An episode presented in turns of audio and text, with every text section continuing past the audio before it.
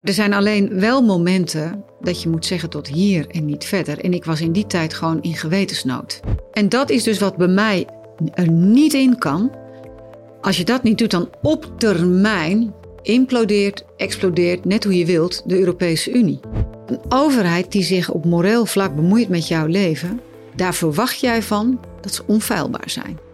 Als jij meent dat jij je moet bemoeien met mijn leven, dan moet jij zorgen dat jouw zaakjes subliem op orde zijn. Daar waar wij het bijvoorbeeld hebben over cash betalen, dat gaat uiteindelijk komen we in een soort surveillance maatschappij terecht, waarbij de overheid via digitale bepalingen kan zien waar jij je geld aan uitgeeft en daar ook in in kan grijpen. Wees nou voorzichtig met het uitfaseren van fossiel voordat je zeker weet dat je de leveringszekerheid en de infrastructuur hebt die past bij duurzaam. Want dat is er nog lang niet.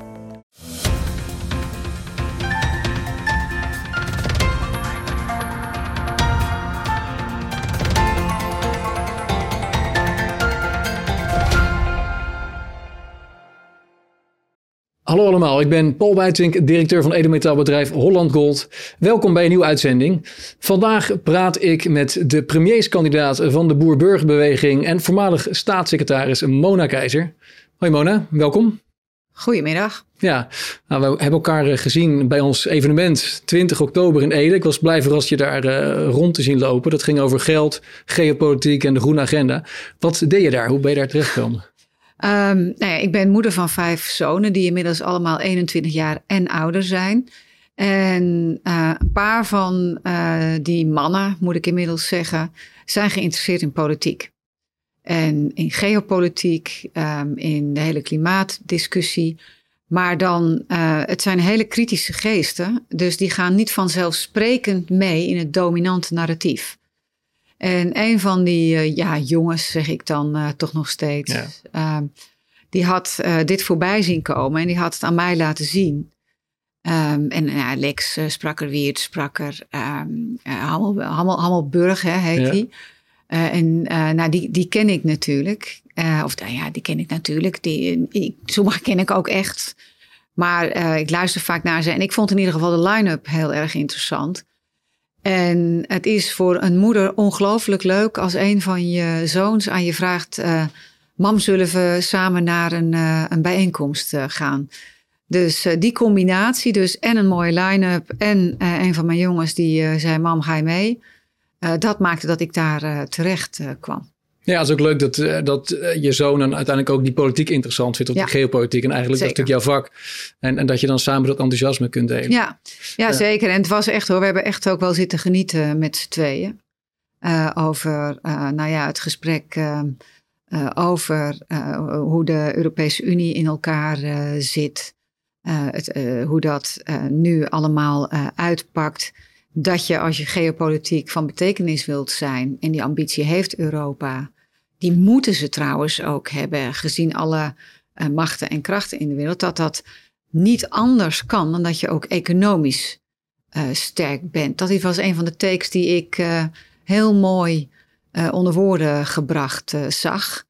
en dat is natuurlijk een van de grote vraagstukken waar we voor staan de komende jaren. Als je kijkt naar de verschillende programma's vooral ter linkerzijde. Ja, dat, dat, gaat, dat hangt aan elkaar vast. Van alleen nog maar inzetten op uh, groene uh, industrie, lasten verhogen bij het bedrijfsleven. Uh, terwijl blijkbaar niemand aan die kant in de gaten heeft dat als je dat maar blijft doen, dat je uiteindelijk je economie ondermijnt. Ja, nou laten we het inderdaad hebben over die Europese Unie, ook over de euro. Geld was natuurlijk een van de thema's tijdens het evenement. Um, in het partijprogramma van uh, eh, BBB wordt heel duidelijk gesproken over uh, dat er wat jullie betreft niet meer fondsen worden gemaakt zoals het coronafonds wat we, wat we kennen. Of dat er ook niet meer een transferunie wordt opgetuigd. Dus niet meer gemeenschappelijke schulden. we weten natuurlijk bij het coronafonds dat Hoekstra ook in eerste instantie daar heel erg kritisch op was. Uiteindelijk heeft hij gewoon getekend bij het kruisje. Van jou weten we dat je af en toe kunt, uh, een dissident kunt zijn. Niet voor niks had je natuurlijk lag je bramkoers met uh, de regering als het gaat om die, of als het ging om die coronamaatregelen. Dus dat, ja, toen heb je duidelijk lef getoond. Um, als jij straks uh, in de regering zit of, of je bent minister en er wordt inderdaad weer gesproken binnen Europa, wat al een tijdje eigenlijk ook gebeurt, dat er een nieuw fonds moet komen. ga je dan inderdaad nee zeggen tegen zo'n fonds? Even terug naar de coronatijd. Want jij zegt uh, je lag op ramkoers. Uh, voor mij is dat anders geweest. Uh, ik ehm, zag hoe dat beleid vormgegeven werd. En niet alleen op onderdelen compleet niet effectief was. Maar ook haak stond op mijn mens- en maatschappijbeeld. Hè. Mensen horen bij elkaar. En in strijd was met de grondwet. Um, het, het, is ten koste gegaan, niet alleen van ondernemers, maar ook heel veel jongeren die er tot op de dag van vandaag last van hebben. Uh, nog steeds heel veel mensen zijn diep ontdaan over het coronatoegangsbewijs, hoe dat discrimineerde. Ik was gisteren bij een bijeenkomst en het is echt, en dat gebeurt mij nog minstens één keer in de maand, dat iemand op mij toe, op mij afloopt en gisteravond, hij zei, het, het, was een mevrouw, hij zei, maar ik, ik kom je een knuffel geven. Ik, zeg, ik zeg, nou, ik zeg, dat mag altijd. Ik zeg, wat is er aan de hand? En dat ging nog steeds over dat ik toen stelling genomen heb. De prijs die ik daarvoor betaald heb, is heel hoog geweest. Uh, ik ben ontslagen. Uh, maar wat je dan ook ziet, dat, uh, dat het voor politici is het sowieso moeilijk om werk te vinden na hun politieke loopbaan. Maar als je dan zoals ik stelling genomen hebt tegen het dominante verhaal, dan is het extra moeilijk. Ja, dan word je gecanceld. Nou, gecanceld is te groot woord. Maar als je dan uh, in gesprek bent voor een nieuwe klus of een nieuwe functie, komt op enig moment toch altijd wel de vraag voorbij: maar kan jij wel samenwerken? Uh, terwijl, uh, nou, ik doe mijn leven lang niks anders. Ik zit vanaf dat ik um, 24 ben in de lokale politiek. Eerst als gemeenteraadslid, daarna als wethouder. Ik heb mijn leven lang niks anders gedaan dan samenwerking. En in de politiek moet je compromissen sluiten, want je bent niet alleen. Je hebt geen meerderheid, dus je moet compromissen sluiten. Maar er zijn alleen wel momenten dat je moet zeggen tot hier en niet verder. En ik was in die tijd gewoon in gewetensnood. Ja, je kon het thuis niet uitleggen. Ik kon het aan mezelf niet uitleggen. Ook thuis trouwens niet. Nee. Uh, en in die zin, mensen vragen wel aan mij, was je eenzaam? Nee, want ik uh, in mijn uh, vriendenkring, in mijn familiekring, in mijn gezin hadden wij allemaal zoiets. Wat zijn ze daar aan het doen? En dat zijn allemaal geen antivaxers, geen virusontkenners, maar gewoon mensen die um, analyseren wat is er aan de hand. Voor wie is dit virus vooral gevaarlijk? En dan eigenlijk constant de vraag waarom is het beleid daar niet op gericht? En waarom wordt er niet anders omgegaan met IC-zorg, zodat je de toestroom uh, in de zorg beter aan kunt? Uh, dan nu even terug naar jouw vraag. Um, in Europa, daar zijn we inmiddels met 27 lidstaten. En het hele ingewikkelde aan de Europese Unie is inmiddels dat um, er is zo langzamerhand een meerderheid van Zuid- en Oost-Europese landen. Dat zijn vaak de landen waar het, uh, de welvaart, um, het niveau van welvaart veel lager is dan bij ons. Um, economieën er minder goed voor staan, hoewel Polen fantastisch gaat op het moment. Uh, uh, en of staatsschulden heel hoog zijn. Die hebben dus baat bij een transferunie. Landen zoals Nederland en Duitsland geldt dat niet voor. En uh, de komende tijd gaat er in Europa gaan er twee grote discussies gevoerd worden. Eén, uitbreiding van de Unie, waarbij nog meer landen toevoegt die arm zijn. Um, dus uh, die ga je uh, krijgen. En de financiële discussie. Wat volgens mij moet gebeuren, is dat bij die toetredingsfunctie van nieuwe landen er een andere samenwerkings menu komt. Nu is het zo, je wordt op een gegeven moment toegelaten, als je voldoet hè, aan de criteria. Kopenhagen-criteria. Kopenhagen-criteria, die moeten onbetwistbaar vastgesteld worden. Ja, dus, dus democratie, niet, geen corruptie, al dat soort zaken. Al dat soort zaken meer. Um, dus niet een politiek besluit daarvan maken, maar een puur inhoudelijk besluit. dan wordt het dus bijvoorbeeld voor een land als Oekraïne ingewikkeld. Ja. Um, maar wat je daarnaast doet, moet doen, is zorgen dat je andere samenwerkingsvormen krijgt. Nu is het zo dat als jij lid wordt van de Europese Unie, moet je voldoen aan alle wetgeving die er is. Um, na vijf jaar uh, jij, is het de bedoeling dat jij toetreedt tot de monetaire unie en ook maatregelen daarvoor neemt. Elk jaar wordt er dan gekeken, voldoe jij aan de maatregelen? Naar mijn smaak moet dat doorgeknipt worden. Want ik snap heel goed vanuit geopolitiek oogpunt dat er landen zijn aan de randen van de Europese Unie die je wil toelaten treden. Maar je zult het op een andere manier vorm moeten geven om uh, ervoor te zorgen dat je uh, andere samenwerkingsvormen krijgt, maar dat ook die min of meer automatisch, niet helemaal automatisch, ik weet het, maar het, het, de vanzelfsprekendheid waarmee een nieuwe lidstaat ook onderdeel wordt van de moderne Unie moet worden veranderd, moet worden doorgeknipt. Ja, je ziet bijvoorbeeld hoe er in Zweden nou absoluut nog geen animo over is. Ook in Tsjechië zijn ze nog heel sceptisch erover. Ja, en daar organiseren ze gewoon dat het, niet, dat het niet kan, omdat ze het niet willen. Nee. Omdat ze daar inmiddels zien wat de nadelen ervan zijn. Die zijn er trouwens ook hè, voor arme landen. De, de ellende in Egypte, um, Egypte, maar horen. Griekenland. Griekenland. Um, de ellende toen in Griekenland, die heeft ermee te maken omdat ze moesten voldoen aan het systeem wat wij uh, af hebben gesproken. Zoals die eenheidsworst, ja. Ja, en dat moet dus gewoon echt veranderen. Maar terugkomend op mijn vraag, als er dan weer zo'n uh, fonds wordt voorgesteld en er wordt steeds vaker over gesproken, want we, als het nou om klimaat gaat of defensie, ik zag net nog in het Financieel Dagblad dat Knot gisteren andermaal, terwijl die eigenlijk politiek neutraal zou moeten zijn, andermaal pleiten voor meer Europese fondsen, meer Europese samenwerking. Ja, ik vind dat onbegrijpelijk. Maar dus, dus in het programma zegt BBB nee, is het voor jou zeg maar een ethisch breekpunt, net als dat zo'n toegangsbewijs voor corona dat was, dat dit weer zoiets is waarvan je denkt: van, ja, daar kan ik gewoon thuis niet mee aankomen. Of in, in, in Nederland, als wij weer akkoord gaan met, met zo'n fonds, wat per saldo betekent dat Nederland nog meer moet gaan overdragen, inderdaad, aan armere eh, oostelijke of zuidelijke staten. Is het voor jou een breekpunt? Ga je daar nee op zeggen? Ik vind dat dat niet moet.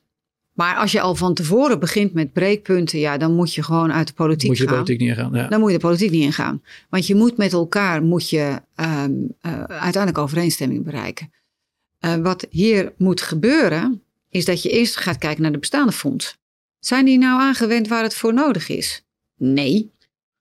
Uh, van dit geld worden belastingen verlaagd, worden basisinkomens ingevoerd van de coronagelden. Uh, terwijl het daar niet voor bedoeld was. Um, de landen waar dat gebeurd is, is de staatsschuld gigantisch hoog.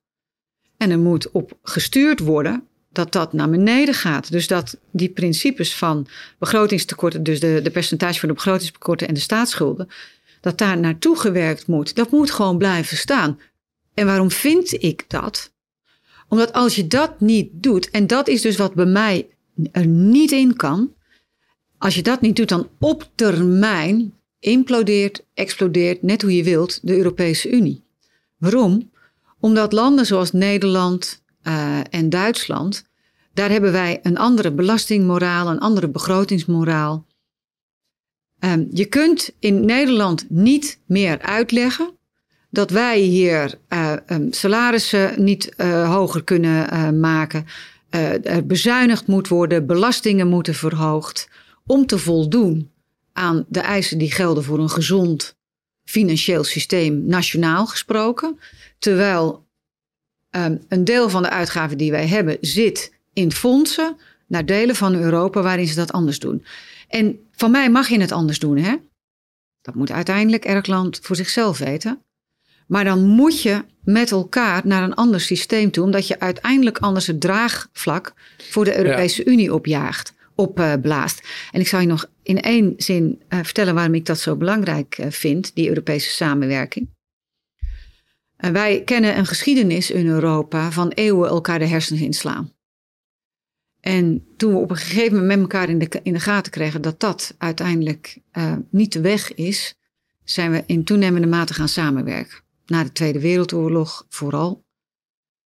Uh, het is voor vrede en veiligheid van het allergrootste belang dat we met elkaar samenwerken.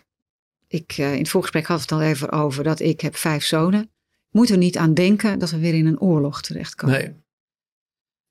Um, maar er is nog een andere reden waarom die Europese samenwerking zo belangrijk is. Dat is gewoon onze welvaart. Het meeste geld wat wij verdienen gaat uh, via en in het buitenland. Dus onderdeel zijn van die Europese samenwerking is gewoon voor het Nederlandse economie heel erg belangrijk. Maar dan moet het wel op een andere, nou ja, eigenlijk niet eens op een andere lijst geschoeid. De afspraken die we gemaakt hebben, um, in het verdrag van Maastricht. Ja, maar die, die moeten. Maar ja, lang, maar daar moeten we naar terug. Ja maar, hoe ja, maar daar moeten we naar terug. Kijk, enerzijds eh, kunnen we natuurlijk constateren dat ondanks dat in Italië twee keer zoveel schuld heeft als is toegestaan, dat het nog steeds niet is geïmplodeerd of geëxplodeerd. Dus eh, eigenlijk kun je dus blijkbaar heel lang doorgaan met elkaar uh, en, en daarbij die afspraken schenden zonder dat het wordt opgeblazen. Uh, dat één. En ten tweede, hoe ga je terug, hoe ga je het, uh, ga je het naleven? Dat betekent dat Italië haar schuld moet halveren, meer dan halveren. Hoe, dat gaat natuurlijk nooit gebeuren. Dus nou ja, dat hoe, gaat ga je, hoe ga je die afspraken naleven? Als je eigenlijk weet dat, dat, dat de kans eh, eh, op slagen heel klein is. Ja, maar het is noodzaak. Doe je het niet, dan, dan eh, wordt. Want feitelijk nu al, wordt er al zijn er al transfers van Noord naar Ja. Zuid. Natuurlijk, heel veel. Via allerlei programma's, maar ook via de ECB natuurlijk. Ja, opkoopbeleid. zijn er nu al. En ik hoop dat doordringt, en daar ga ik mijn uiterste best voor doen, dat dit een heilloze weg is.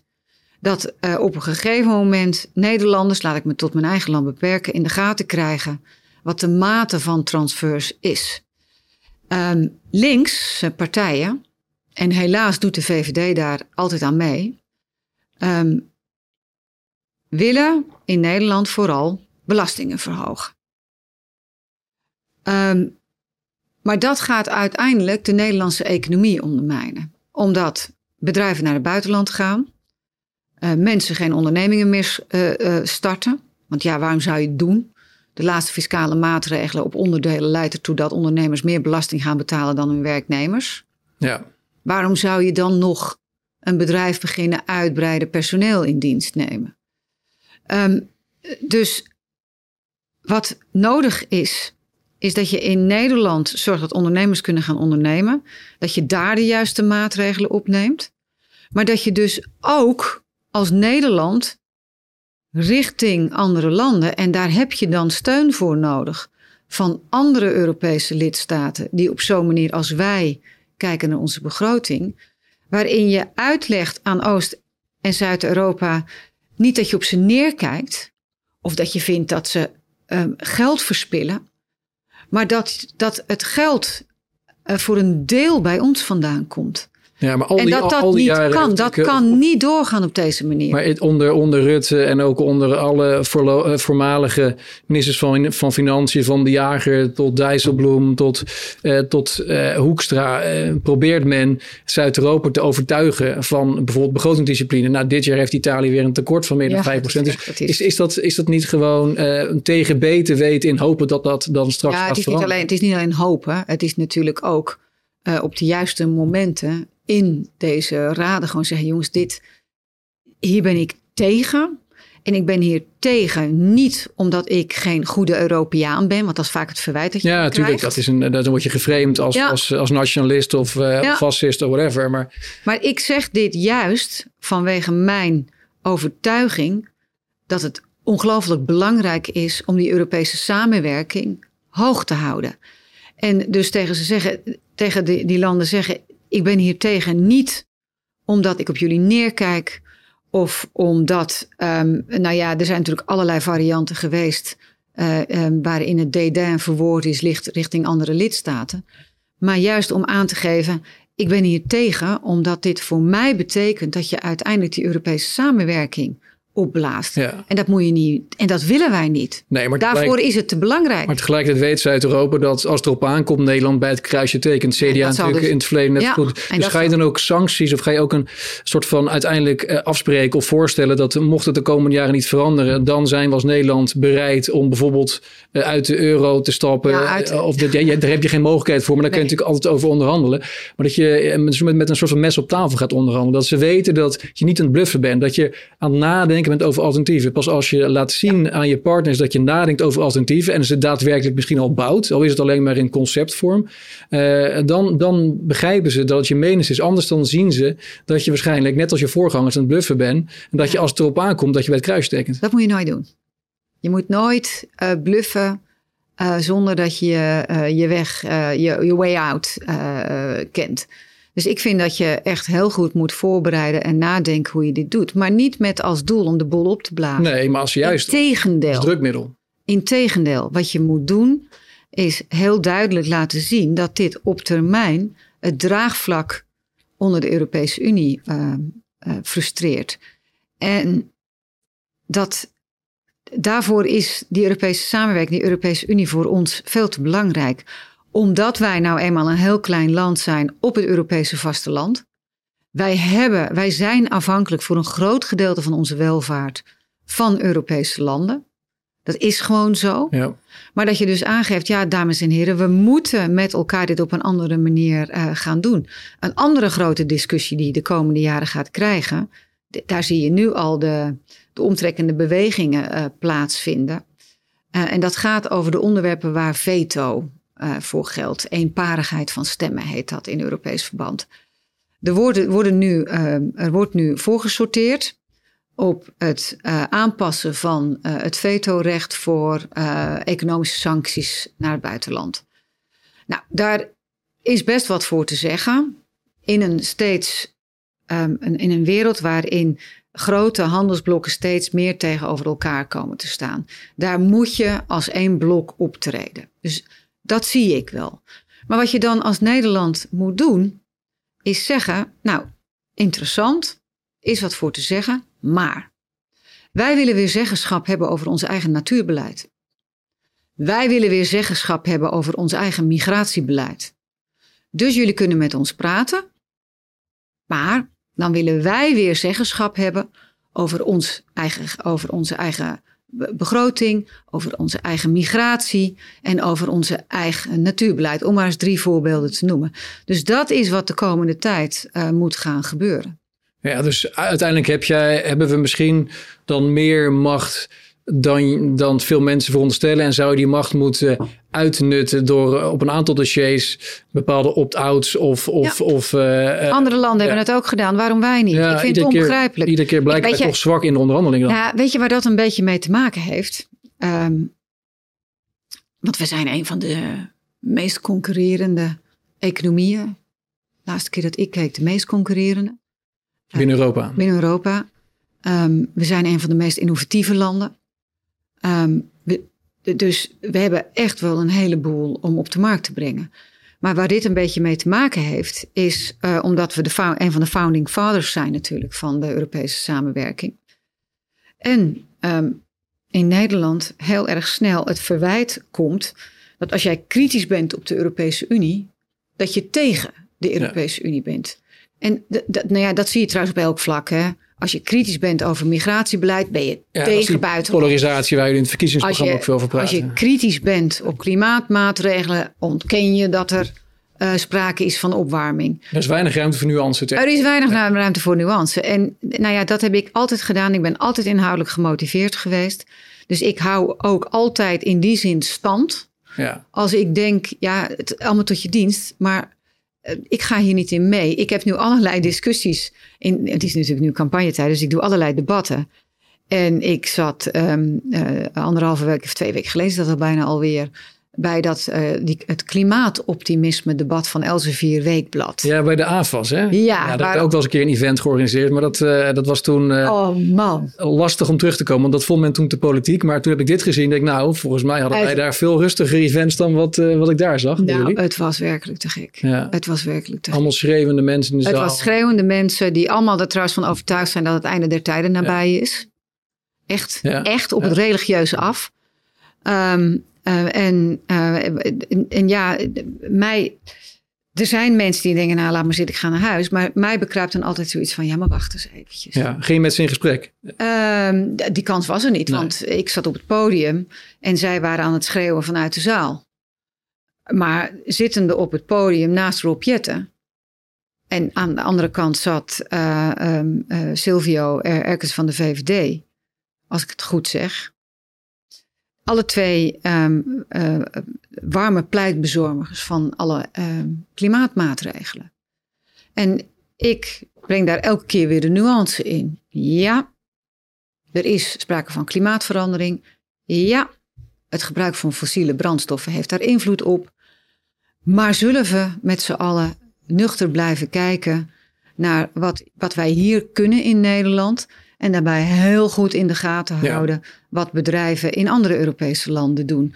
Doe je dat niet, eh, maak je uiteindelijk je eigen economie kapot. Ja, dat was de derde G inderdaad van ons uh, event. Nog even op, op terugkomen op Nog op even één ding. Want, heb je uiteindelijk, want dat is wat ben ik op benieuwd naar, is er een punt dan op een gegeven moment dat wat jou betreft de pijn uh, zo groot wordt als het gaat om, het, om, om verdere transfers naar de rest van Europa, dat er dat een exit op een gegeven moment wel een optie wordt voor je? Of het... Weet je, ik, ik weet hè, in, in, in het gepolariseerde debat wat we tegenwoordig hebben, um, heb je um, uh, twee opties. Of je gaat mee met alle besluiten, of je stapt eruit. Ja, ik doe daar gewoon niet aan mee. Omdat ik gewoon weet dat um, Nederland voor een groot gedeelte, nou, ik heb het al een aantal keren gezegd, heel veel van het geld wat wij hier verdienen, verdienen wij door en via het buitenland. Dus de gedachte dat je daar maar eventjes onderdeel zijn van het Europese um, vasteland uit kunt stappen en dan denken dat je gewoon je producten gewoon kunt blijven verschepen naar uh, Duitsland, uh, de Scandinavische landen, uh, andere delen van Europa. Ja, dat is naïef.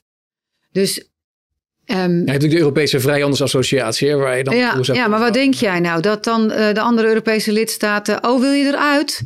Oh, dat is goed. Nou, dan gaan we nu wel een, uh, een vrijhandelsverdrag met jullie nou, Je zal inderdaad nog lastiger krijgen dan, dan, dan Groot-Brittannië. Ja. Je zal, uh, ik, ik ben, daar ben ik het mee eens. Dat is wel een, een, prijs die je zou moeten gaan betalen. Maar goed, dat kan alsnog...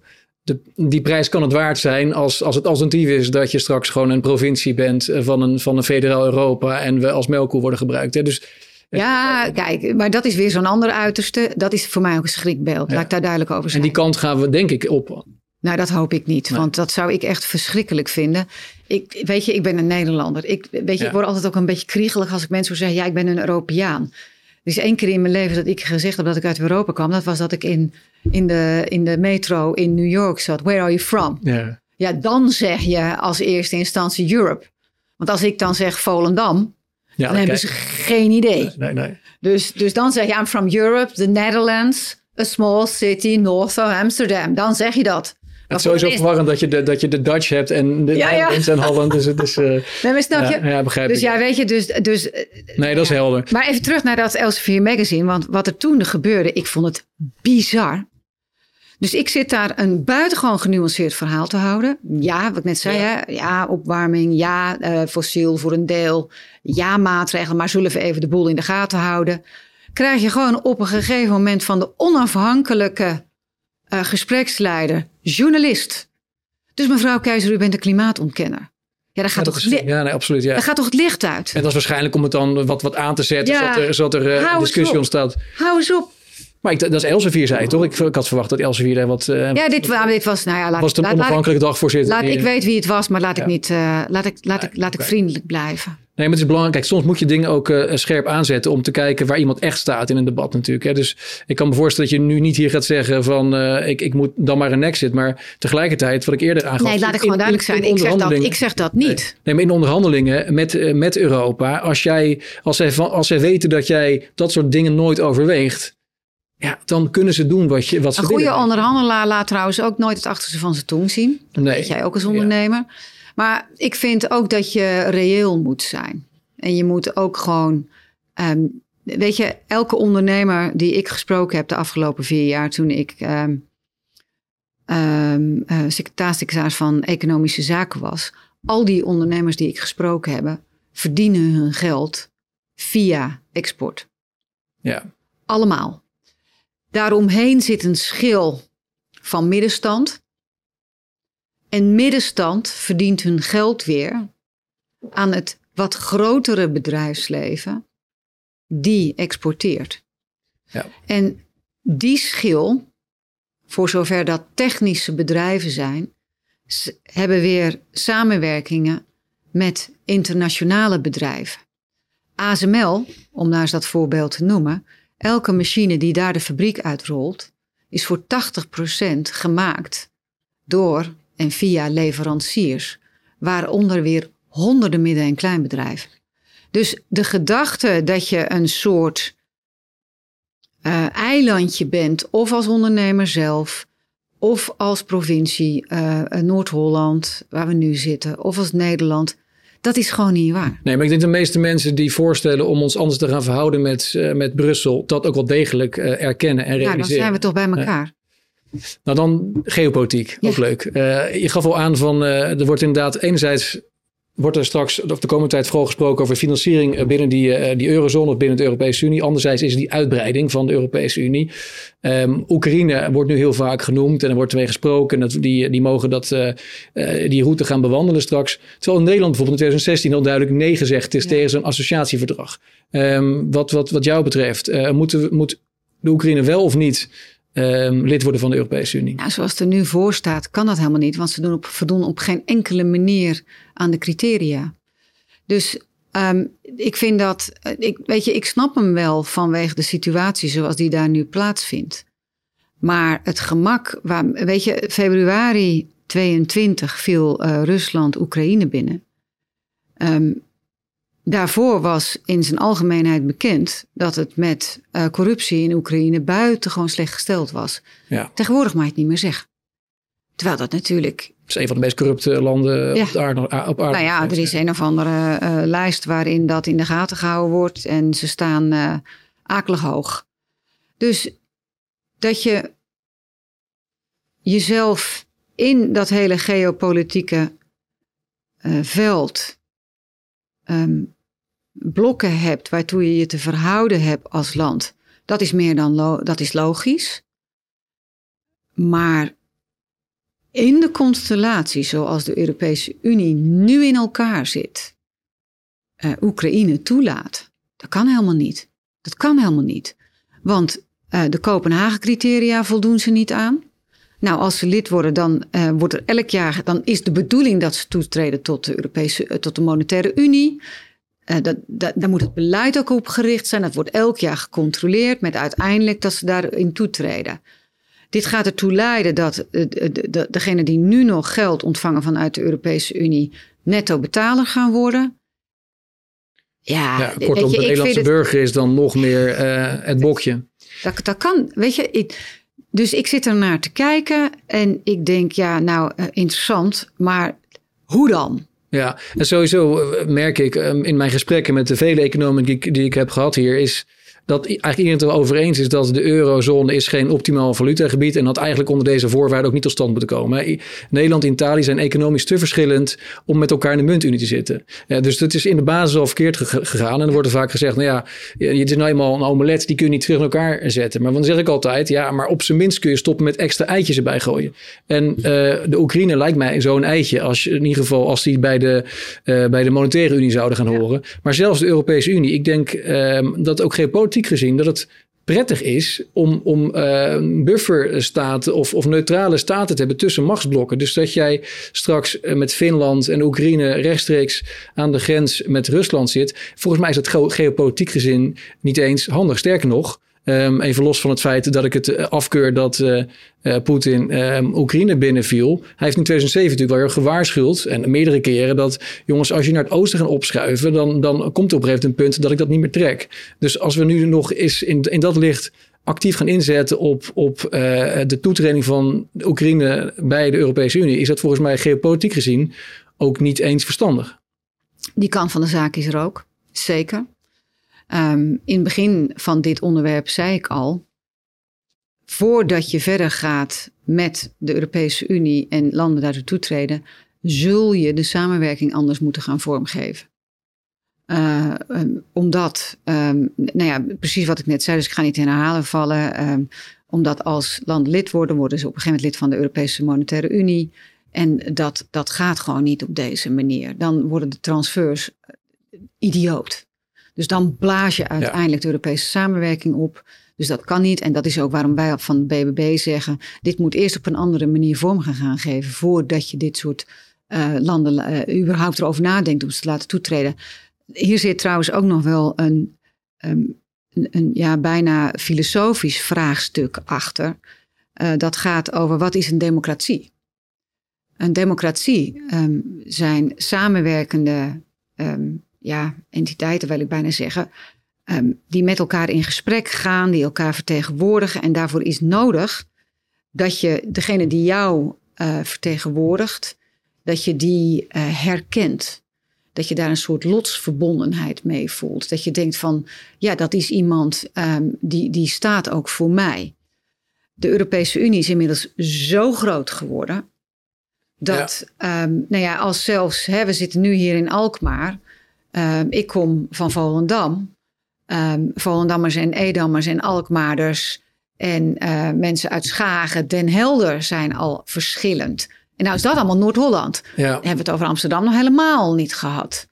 En doordat het zo ontzettend uitbreidt, heb je inmiddels Polen die bepalen wat hier gebeurt met het Veenweidegebied. Ja.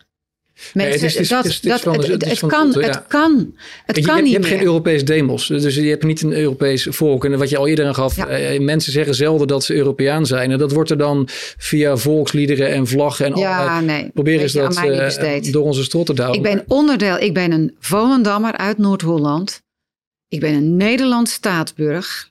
Nederland is onderdeel van de Europese Unie. Dit is het Europees, eh, Europese vasteland. Maar in die volgorde.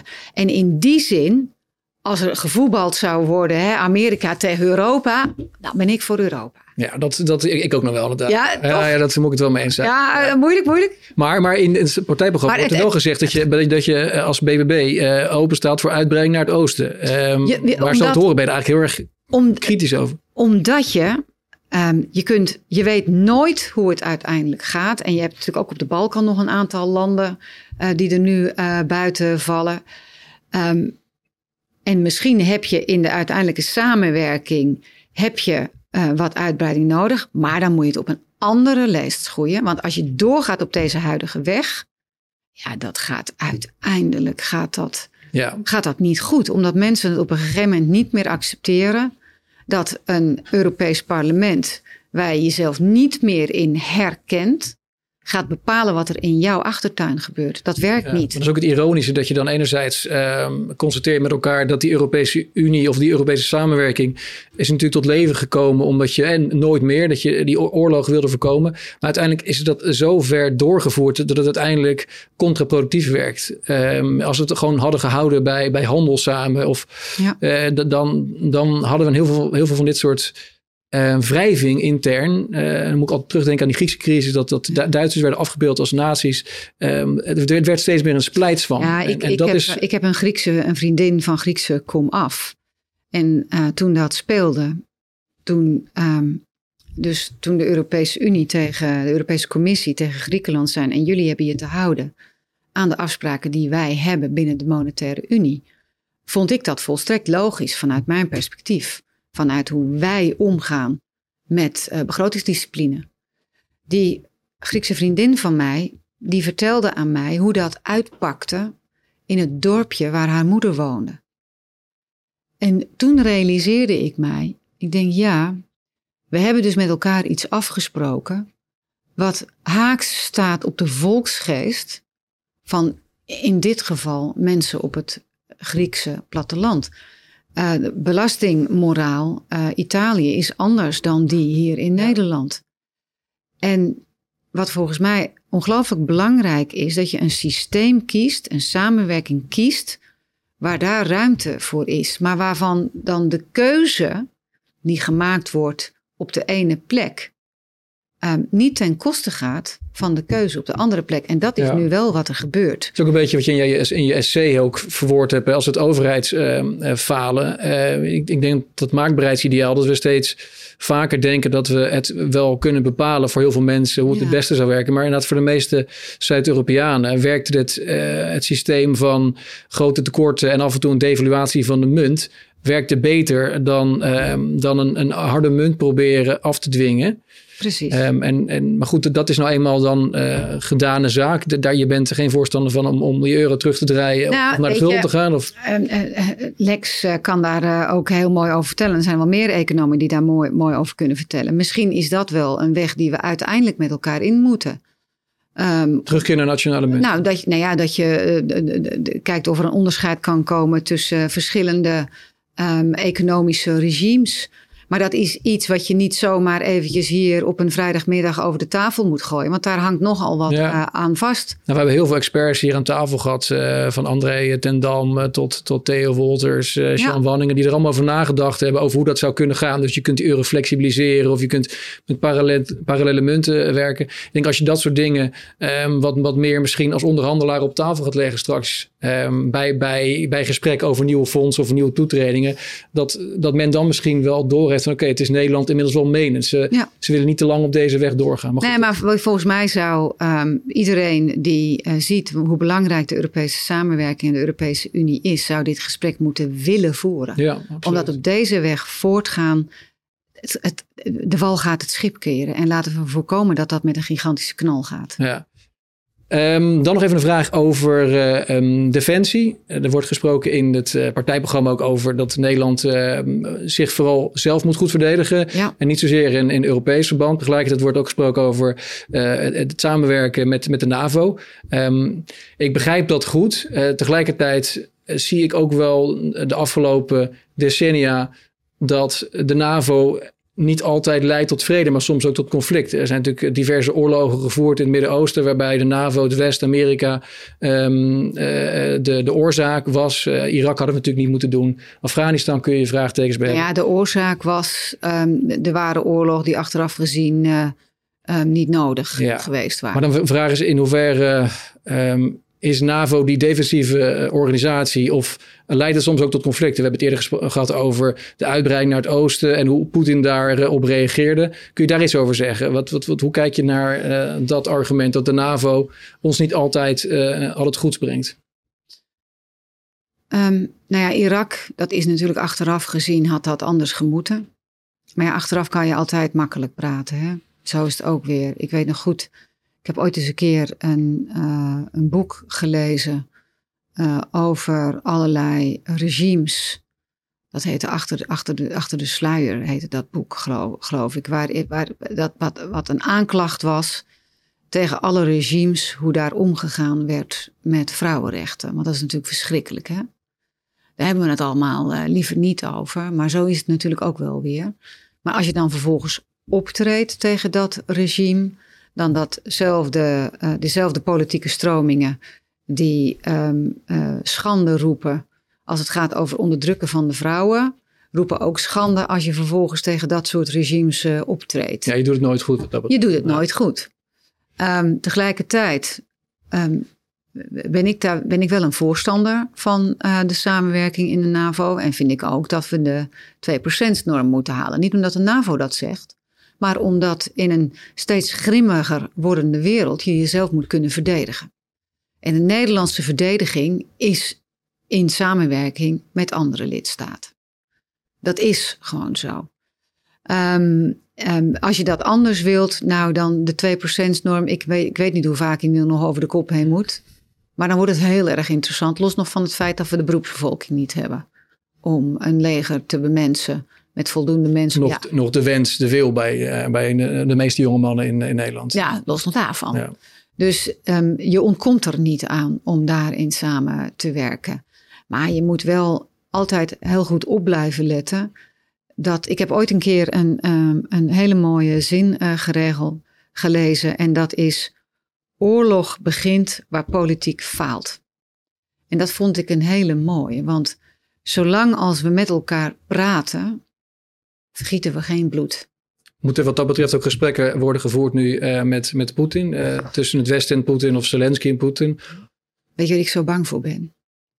Ehm, dat volgend jaar om deze tijd weet ik veel hoeveel duizenden doden verder, jonge mannen en vrouwen verder, er nog steeds geen winnaar is. Nee. Dat is waar ik zo bang voor ben. En als je kijkt ehm, in de geschiedenis, dan uit meestal, nou ja, meestal, ja, kan ik dat zeggen? Ja, denk het wel. Eindige oorlog doordat er op een of andere manier vrede gesloten wordt. Hoe gemankeerd dan ook. En vooropgesteld, hè, het invallen in Oekraïne had nooit mogen gebeuren. Nooit mogen gebeuren. Maar de beelden van al die uh, mannen en vrouwen die sterven, dat, uh, nou, dat moet in ieder geval stoppen.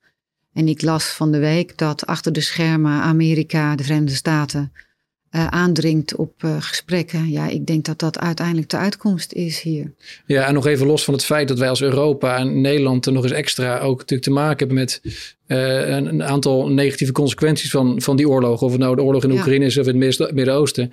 Dat brengt natuurlijk een vluchtelingenstroom op, op gang, een migrantenstroom, die ja, voor een deel naar ons toe komt. Ja, nou ja, het, het, het, grotendeels naar ons toe komt.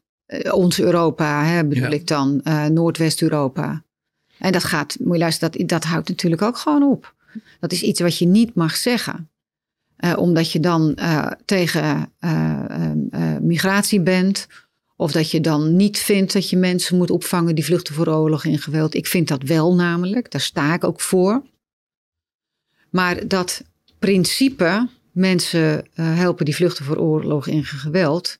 Die discussie moet gelijk opgaan met de gevolgenethiek, de gevolgen, de ethische discussie over de gevolgen daarvan. En we kunnen gewoon niet veel meer mensen. We zitten vol. Ja. Het gaat niet meer. Je kunt elk jaar kun je een bepaalde hoeveelheid mensen op een beschavende manier huisvesten. Op een gegeven moment is het op.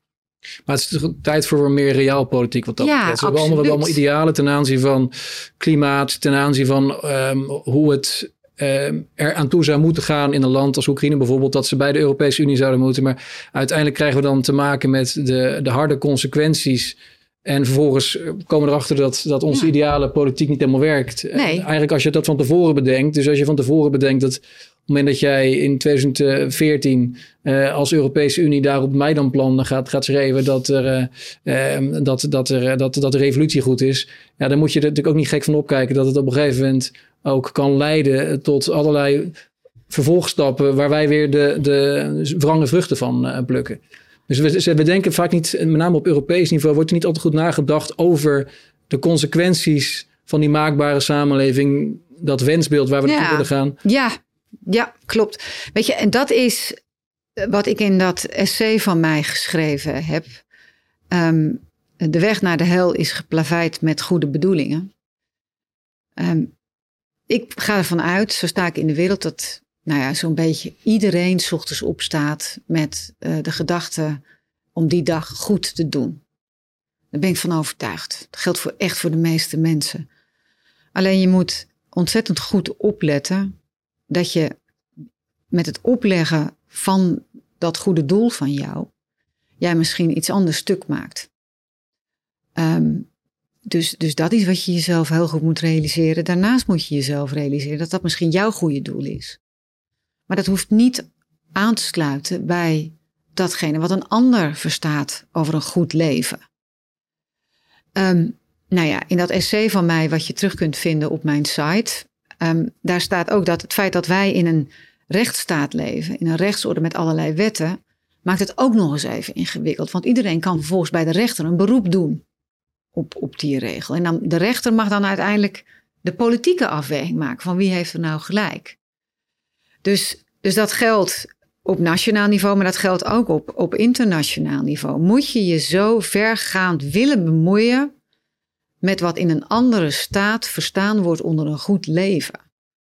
Um, het, het, het exportproduct democratie, nou, dat is toch niet overal op een effectieve manier aan de man gebracht. Ja. Vind ik dat dat de ultieme vorm is. Ja, we hebben geen betere. Maar in andere delen van de wereld wordt dat, nee, dat weten we inmiddels, niet zo gezien door de meesten. Ja. Dus daar moet je ontzettend goed uh, op letten. Ja, en dat is wel iets wat ik wel vaker merk. En in Nederland zijn we daar uh, als Calvinistische natie buitengewoon goed in. Um, ik bepaal voor jou wat goed is. En dat gaat inmiddels zo ver dat zelfs achter de voordeur er bemoeienis iets met hoe je je leven vormgeeft. En ik ben ervan overtuigd dat dat uiteindelijk slecht is voor de manier waarop wij zo hier samenleven, maar ook slecht is voor het vertrouwen in een overheid. Want een overheid die zich op moreel vlak bemoeit met jouw leven, daar verwacht jij van dat ze onfeilbaar zijn. Als jij meent dat jij je moet bemoeien met mijn leven, dan moet jij zorgen dat jouw zaakjes subliem op orde zijn. En dat Ja, kan niet. Nee. Dat gaat niet. Dus uiteindelijk ondermijn je daarmee ook het vertrouwen in de democratie.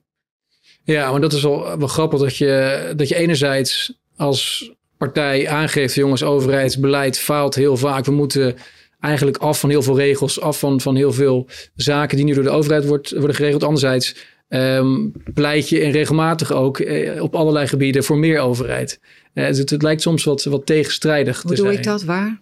Nou, in het partijprogramma, dat je de overheid moet bepaalde zaken wel verplicht leveren. Of het nou gaat om, eh, om, om om, nou ja, onderwijs, zorg, Ja, maar hallo. transport. Ja, maar je kunt natuurlijk ook stellen, bijvoorbeeld eh, cash moet overal beschikbaar zijn. Ik kan me ook voorstellen als je ondernemer zegt, ja, maar ik, ik, heb, ik heb alleen maar eh, jonge toeristen hier over de vloer die, die met, eh, met PIN betalen. En dan zegt de overheid, ik moet ook verplicht cash ac- accepteren. Dus jij, jij hebt weer bepaalde punten waar de overheid... Ja, dus, Maar die punten van mij, van de BBB, die gaan uiteindelijk gaan die over de hoofdtaken van de overheid.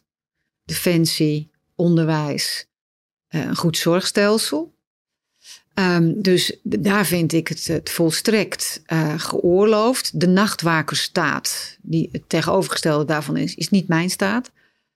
Ehm, en ehm, de, daar waar wij bijvoorbeeld hebben over cash betalen, dat gaat uiteindelijk komen we in een soort surveillance maatschappij terecht, waarbij de overheid via digitale bepalingen kan zien waar jij je geld aan uitgeeft en daar ook in in kan grijpen. En daarom zijn wij voor cash geld, omdat als je dat namelijk verbiedt, dan geef je eigenlijk de overheid de ultieme macht. Ja, ik ben een groot, groot fan van cash hoor. Er wordt heel veel contant bij ons betaald ook. Maar eh, het soms is het natuurlijk wat, wat, eh, wat, wat, eh, wat dubbel. Dat je enerzijds Nee, verplicht. nee, dat om- vind ik, nee ja. ik snap dat je het zegt, maar ehm, ik, ik zie dat niet, omdat het gaat over daar waar ik vind dat de overheid moet leveren. Gaat het over de klassieke taken van de overheid.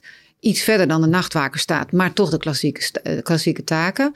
En daar waar het gaat over bijvoorbeeld cash geld, gaat dat uiteindelijk over een situatie waarin mensen zelf gaan over waar ze hun geld uiteindelijk aan besteden. Ehm, ehm, en, en dat zie je trouwens ook, en- dat is iets waar we het nog niet over gehad hebben, maar de grootste crisis die wij hebben is de wooncrisis. Ehm, ik weet niet, het zal hier niet veel anders zijn dan bij ons. 13 jaar wachten voor een sociale huur- of koopwoning, dus een betaalbare huur- of koopwoning. En daar doen wij allerlei voorstellen waarin bijvoorbeeld in de fiscaliteit of eh, extreme duurzaamheidseisen of ruziende eh, overheden, provincie en gemeente. Dus daar meer de markt zijn werk laten. Daar me- meer de marktwerk doen en uiteindelijk op landelijk niveau iemand die tegen een provincie en tegen een gemeente zegt: En nou is het afgelopen, daar gaat gebouwd worden. Ja.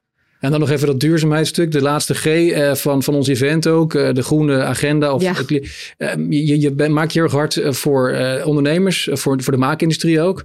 Ehm, de maakindustrie heeft in Nederland, denk ik, ehm, eh, te maken. Ehm, uiteindelijk, wat je ook in Duitsland nu ziet, met steeds hogere energiekosten. En misschien zelfs op een punt dat je besluit weg te gaan. In Duitsland zie je het al meer gebeuren. In Nederland Ja. wordt er ook steeds meer over gesproken. Eh, Wat, wat grotendeels ook te maken heeft met, eh, met klimaatmaatregelen die worden genomen. Of het dan gaat om energiebelasting of eh, het, het uitstootrechten. Ehm, hoe, hoe, wat, wat ga jij doen om die maakindustrie toch in, in Nederland te Nou, ik heb in mijn telefoon inmiddels van twee ondernemers een casus aangereikt krijgen, gekregen. Aangereikt gekregen. eh, die alle twee neerkomen op hetzelfde. Namelijk, er worden allerlei eisen opgelegd om te elektrificeren. Alleen het net kan het niet aan, waardoor de uitbreiding van het bedrijf stilstaat. Ja. Ja, hebben we hem. Ja. Dat betekent dus uiteindelijk bedrijven die niet kunnen uitbreiden, ehm, ehm, eh, minder omzet. Eh, minder omzet is altijd ook minder eh, belasting in de staatskas. Dus dat is uiteindelijk weer slecht voor ons allemaal. Dus eh, dit zijn nou de voorbeelden waarin het doorslaat. en ehm, ik had afgelopen week een eh, debat eh, in de installatiebranche. En vorige week eentje in de maakindustrie. En dan zie je naast mij zie jij alle grote partijen ehm, eigenlijk eh, dezelfde lippendienst bewijzen aan net zero in, in weet je, 2040 of 2050. Weet je, de, de, de, percentages vliegen je constant om, het hoofd, maar in ieder geval het uitfaseren van fossiel.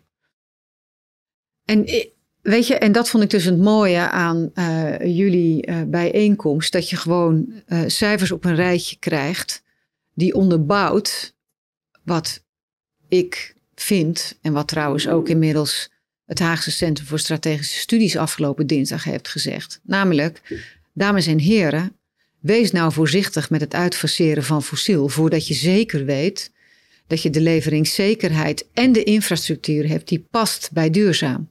Want dat is er nog lang niet. En uh, dat is wel iets wat ik um, nu doe en de komende tijd ga doen.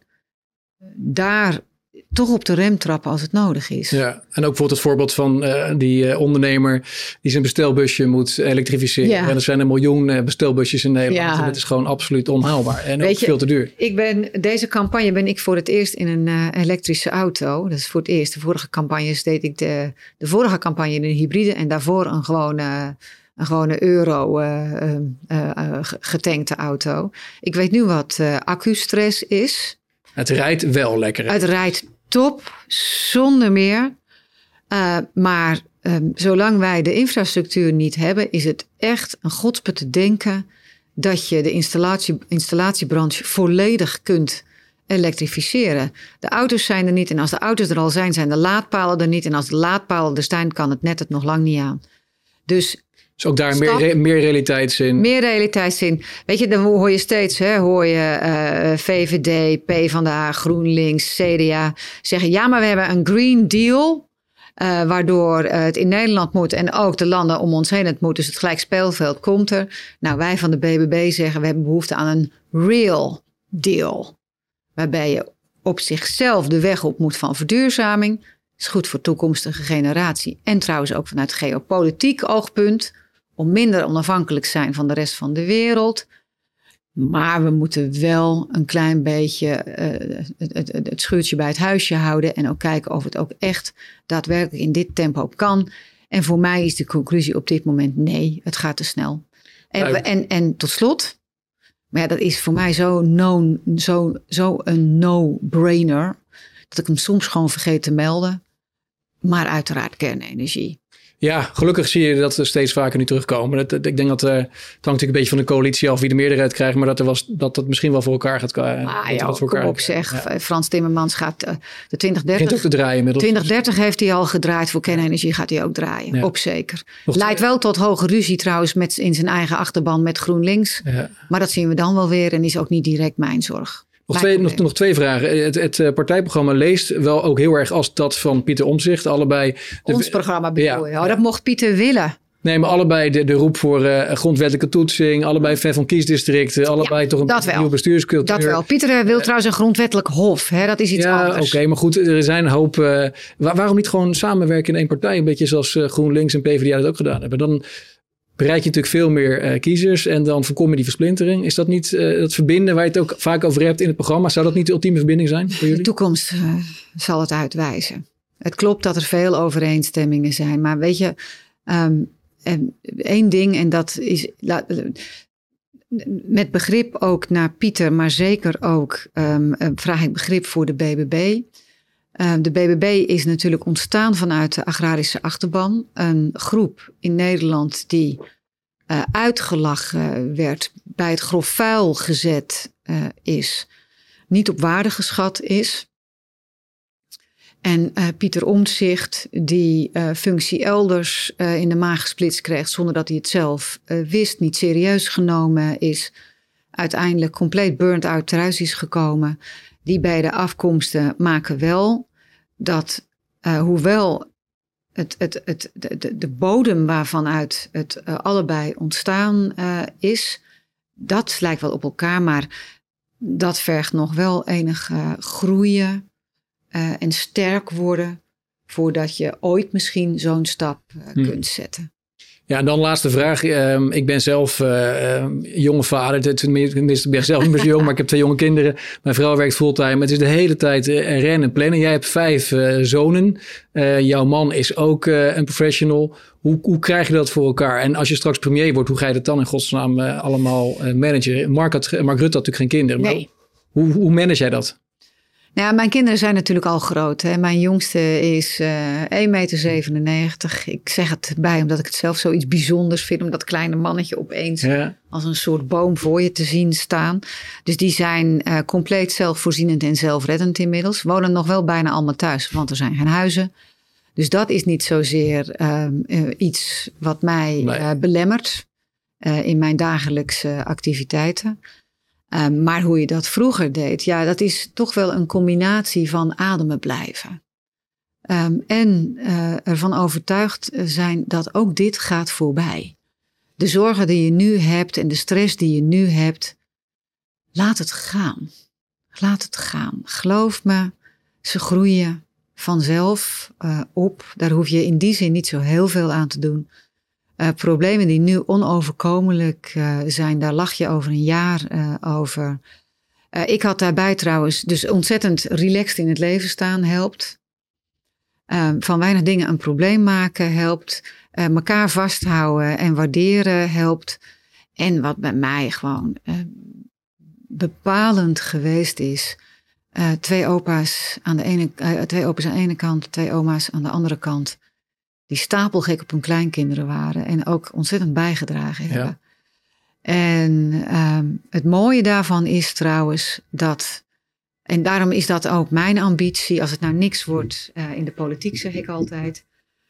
dan hoop ik ooit nog eens een keer oma te worden. Want wat je wel ziet, dat als jij in een situatie bent waarin je het geluk hebt dat opa's en oma's dat ook kunnen en willen, een dag in de week uh, er zijn voor de kleinkinderen, dan ontstaat er zo'n band. Dat is er eentje voor het leven. Ja. En ja, jij bent bezig met edelmetalen. Maar dat is pas echt van waarde. Dat is het echte goud. Ja. ja. Nou ja, laten we het daarbij bij houden dan. Uh, Mona, heel erg bedankt voor je komst en heel veel succes nog met de rest van de campagne. Dankjewel.